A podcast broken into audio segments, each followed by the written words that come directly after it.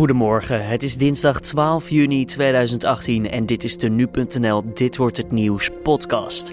Mijn naam is Julian Dom. Vandaag hebben we het over de top tussen Donald Trump en Kim Jong-un in Singapore. Het Noord-Koreaanse regime uh, wil in de eerste plaats veiligheidsgaranties. Uh, Kim Jong-un wil weten dat hij niet uh, uit het zadel gewipt wordt.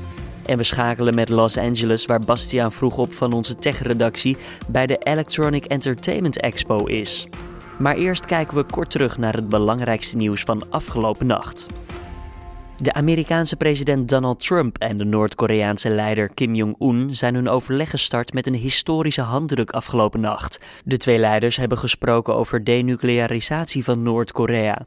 Het is de eerste keer dat de leiders van beide landen elkaar ontmoeten. Zometeen meer hierover in een uitgebreid interview met nu.nl-redacteur Matthijs Lelou. Brazilië is jaarlijks ongeveer 65 miljard euro kwijt aan het bestrijden van criminaliteit in het land. Dat blijkt uit een maandag gepubliceerd rapport. De kosten zijn sinds 1996 verdubbeld, maar de criminaliteit in het land is ook toegenomen. Voetballer Justin Kluivert is maandagavond laat aangekomen in Rome om zijn transfer van Ajax naar AS Roma af te ronden. De linksbuiten werd op het vliegveld door honderden fans en een cameraploeg van de Italiaanse club opgewacht. Dan kijken we naar de nieuwsagenda van deze dinsdag 12 juni. In Singapore is afgelopen nacht het topoverleg tussen de Amerikaanse president Donald Trump en de Noord-Koreaanse leider Kim Jong-un gestart. Het is een historische ontmoeting waarmee ongeacht de uitkomst eigenlijk al geschiedenis is geschreven. Trump wil dat Kim stopt met het kernwapenprogramma en in ruil daarvoor kan de Noord-Koreaanse leider zowel veiligheidsgaranties verwachten als hulp om de economie in zijn land te laten groeien. We praten hierover met nu.nl-redacteur Matthijs Lelou. Matthijs, om te beginnen, waarom is er gekozen voor Singapore? Nou, Singapore is voor beide partijen een uh, acceptabele locatie. Noord-Korea onderhoudt uh, niet heel veel vriendschappelijke banden in het buitenland. Maar uh, Singapore is een van de landen waar het goed mee overweg kan. Een van de weinige Noord-Koreaanse ambassades is daar ook gevestigd.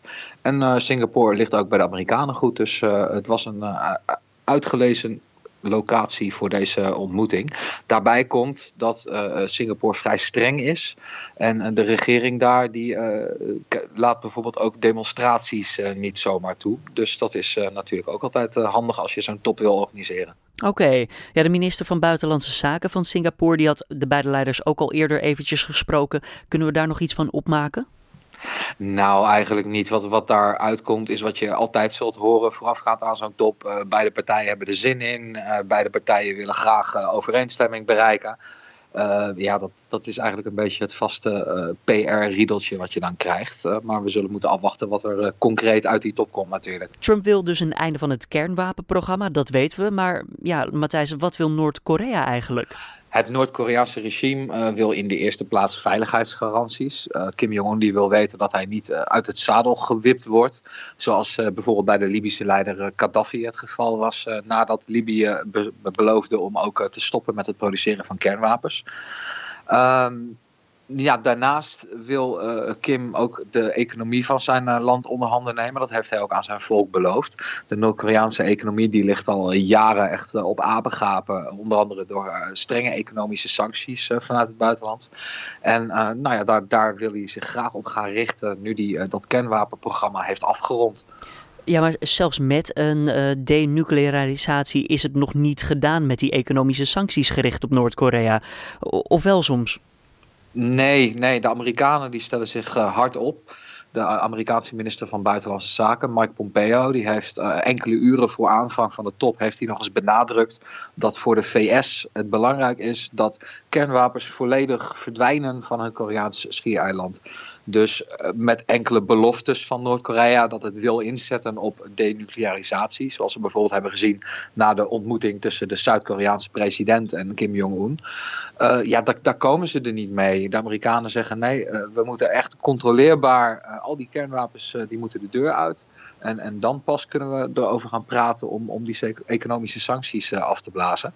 Dan is het natuurlijk nog wel afwachten hoe heet de soep gegeten wordt. Het, het zou goed kunnen dat de Amerikanen wel wat concessies willen doen als de Noord-Koreanen zich ook eh, goed opstellen. Maar daar is eh, van tevoren nog weinig over te zeggen. Wat wel vaststaat is dat de Amerikanen heel duidelijk hebben gezegd: nee, wij willen dat al die kernwapens gewoon verdwijnen. Trump beroemt zichzelf om zijn onderhandelingsvaardigheden, Matthijs. Ehm, ja, van Kim weten we daarentegen vrij weinig. Welke verwachtingen zijn dan alsnog realistisch te noemen voor deze top? Dat is heel moeilijk. Dat is heel moeilijk. Zoals ik al eerder zei, uh, wat er concreet uit die top uh, gaat komen, moet nog heel erg worden afgewacht. Dat is op zichzelf al vrij uitzonderlijk. Normaal gesproken bij zo'n historische topontmoeting tussen twee leiders, uh, voordat dat eenmaal zover is, dan zijn er al maanden van onderhandelingen aan vooraf gegaan. Dat is in dit geval niet zo. Trump die heeft ook expliciet gezegd dat hij zich niet bijzonder hard heeft voorbereid op deze top. Dus ja, en, en, en daarbij komt ook nog dat, dat uh, de Amerikaanse president natuurlijk vrij onbereken, onberekenbaar is. Uh, dat kon je al zien in aanloop naar de top. Trump blies eerst de top af nadat de Noord-Koreanen vicepresident Mike Pence hadden beledigd. Toen werd er een Noord-Koreaanse functionaris die werd afgevaardigd naar het Witte Huis met een brief van Kim Jong-un aan Trump. Nou ja, die, die, dat, dat, dat zult je, zul je misschien wel herinneren. Dat zat in zo'n enorme witte envelop. Uh, Trump die, die, die kondigde toen aan dat de top weer doorging. Uh, op het oog vanwege de inhoud van die brief. Maar hij zei daarna ook alweer dat, dat hij eigenlijk die brief niet eens gelezen had voordat hij dat besluit had genomen. Dus ja, het zijn allemaal dat soort de onberekenbare factoren die het heel moeilijk maken om, om te voorspellen wat hier concreet uit gaat komen. Wat wel waarschijnlijk is, is uh, hè, Kim Jong-un en Trump die hebben straks met, al, met elkaar gesproken. En, en als het niet tot een soort van ontploffing komt, waardoor uh, een van beiden of beide de deur uitlopen voortijdig, dan, dan zullen, zullen beide uh, bewinden waarschijnlijk wel inzetten op, op, op, een succesvolle top in hun communicatie daarover achteraf. Dus ze zullen dan wel zeggen van nou, het was een enorm historisch succes. Maar weer de concrete gevolgen, die, dat, dat zullen we gewoon moeten afwachten. Ondanks dat het een succes kan zijn, Noord-Korea heeft de VS wel altijd als aardsvijand gezien. Hoe gaat het inmiddels daar met de staatsmedia? Hoe gaan zij om met dit overleg tussen beide leiders? Nou, de, de top zelf die wordt in de Noord-Koreaanse staatsmedia maar heel mondjesmaat uh, aangehaald. Uh, dat staat niet in verhouding tot hoe er bijvoorbeeld uh, hier in het Westen over wordt bericht. maar de, de, keren dat ze het erover hebben gehad, was er wel een hele opvallende verandering van toon zichtbaar. Zoals je zegt, Amerika was altijd de aardsvijand. Er zijn in Noord-Korea zelfs musea compleet gewijd aan, aan, aan de duivelsheid van, uh, van, van de Amerikanen. Maar in, in, in, in, in uh, de nieuwsberichten in aanloop naar deze top uh, werd er in staatsmedia gezegd dat er misschien wel een, een soort nieuwe verstandhouding met Amerika mogelijk is. En, en, en, dat misschien de toekomst er wat positiever uitziet. En dat, dat is op zichzelf al vrij opvallend. Nu.nl-redacteur Matthijs Lelou was dat over de top tussen Donald Trump en Kim Jong-un in Singapore. Gisteren was de eerste inhoudelijke zitting met Michael P., die terecht staat voor het doden en verkrachten van Anne Faber. Dat gebeurde in september van vorig jaar. Lisa van der Wal is voor nu.nl bij de rechtszaken. Lisa, Michael P. kreeg gisteren zijn psychische rapport te horen. Wat is daarover gezegd? De experts van het Pieter Baan Centrum hebben inderdaad uitgebreid onderzoek gedaan naar de psyche van uh, verdachte Michael P. En uh, hieruit zijn een aantal elementen wel interessant om te benoemen.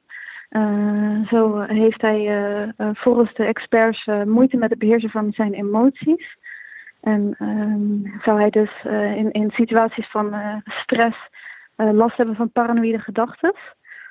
maar tegelijkertijd zien de onderzoekers ook een, een berekenende kant van de verdachte omhoog komen. En het onderzoek naar zijn psyche, dat is ook interessant om te benoemen, heeft ook aangetoond dat de man psychopathische trekjes vertoont. Dus dat is ook. Uh... Psychopathische trekjes. Ja, over trekjes gesproken. Hij was natuurlijk in de zaal gisteren. Toonde hij iets van emoties daar?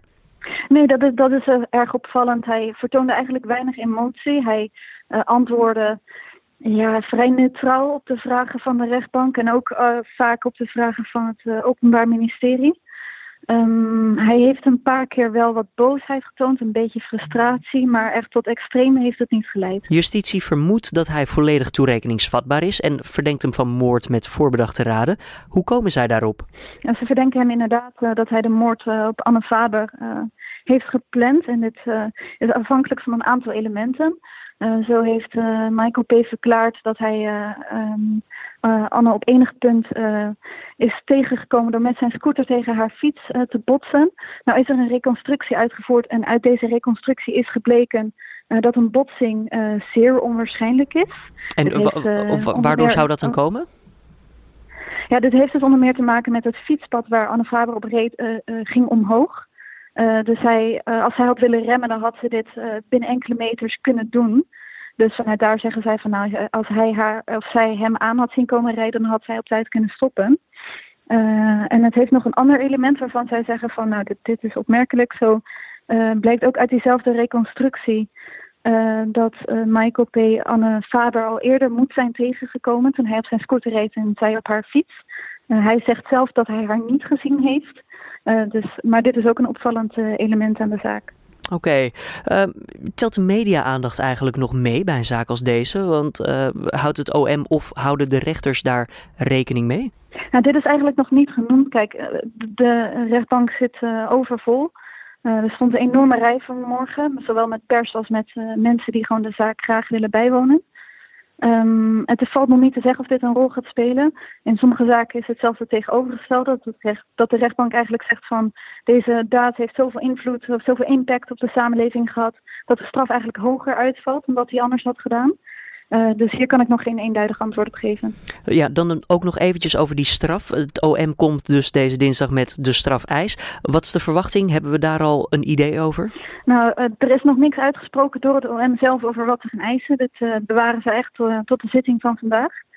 Um, maar experts hebben eerder gezegd dat, dat zij levenslang niet uitsluiten. En dat lijkt inderdaad in de lijn van moord met voorbedachte raden te, liggen. Lisa van der Wal hoorde je van de nu.nl redactie. Meer over deze zaak vandaag op onze live blog op de voorpagina van nu.nl.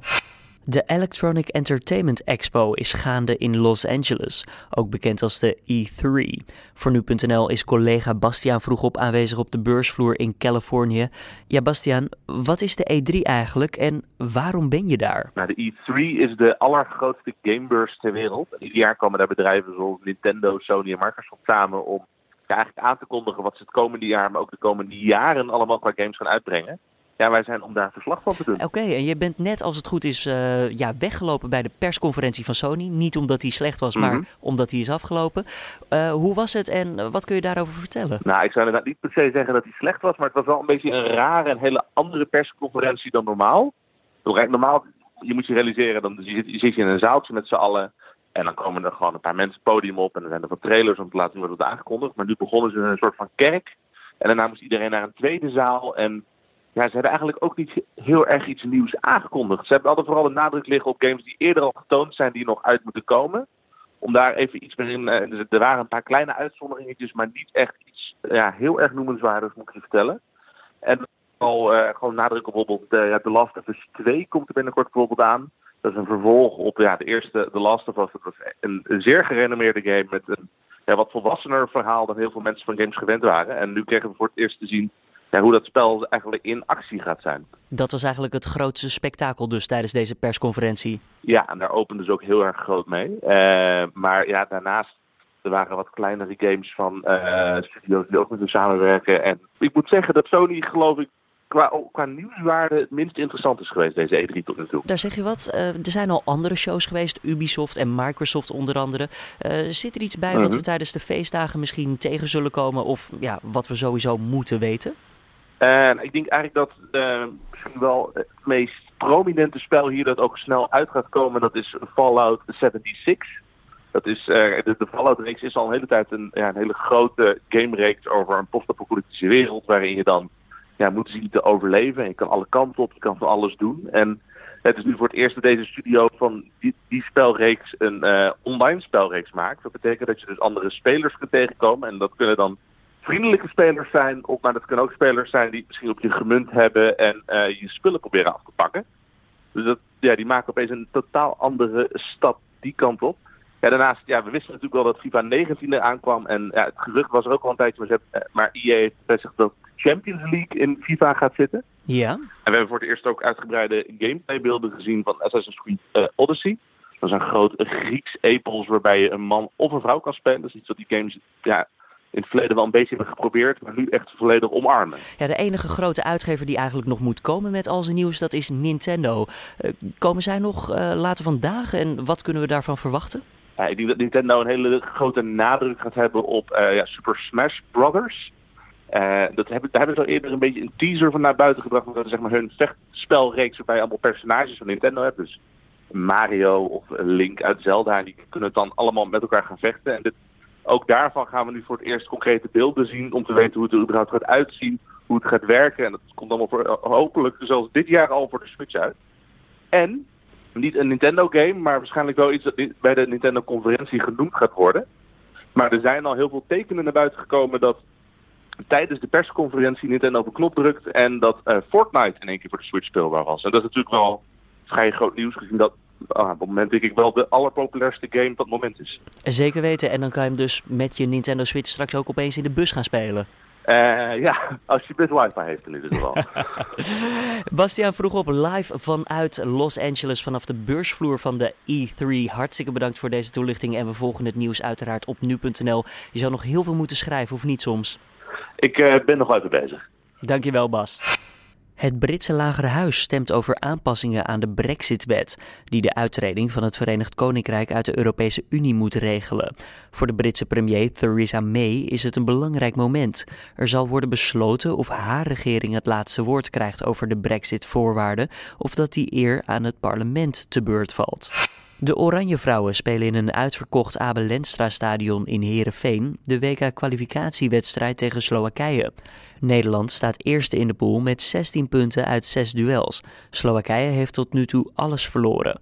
Bij winst van Oranje en verlies van concurrent Noorwegen tegen Ierland plaatst de Europees kampioen zichzelf vanavond al voor het WK van volgend jaar. Dan het mediaoverzicht voor deze dinsdag. Premier Mark Rutte wil dat oud-minister Halbe Zelstra de nieuwe president van de Wereldbank wordt. Dat schrijft het AD. In Den Haag stuit het idee op veel verzet, omdat Zelstra vijf maanden geleden nog opstapte als minister van Buitenlandse Zaken. Dat gebeurde nadat hij had gelogen over zijn aanwezigheid bij een ontmoeting met de Russische president Vladimir Poetin. Zelstra bleek daar toch niet bij aanwezig te zijn geweest, maar had het verhaal van iemand anders gebruikt. Uitgeproduceerde asielzoekers keren eerder terug naar het land van herkomst als ze 24 uursopvang hebben in Nederland dan wanneer ze aan hun lot worden overgelaten. Dat schrijft de Volkskrant op basis van onderzoek van het Wetenschappelijk Onderzoeks- en Documentatiecentrum, het WODC.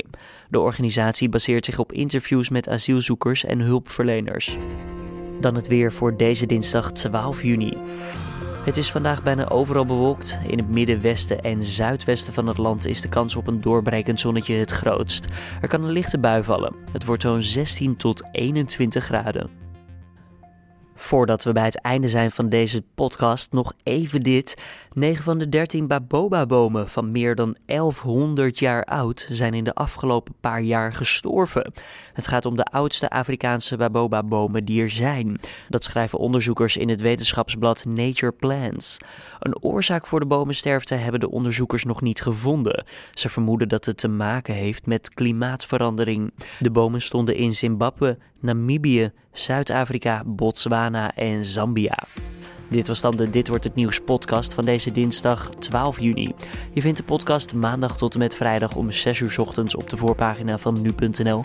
Vond je het een goede podcast? Laat het ons dan weten via redactie@nu.nl of laat een recensie achter op iTunes.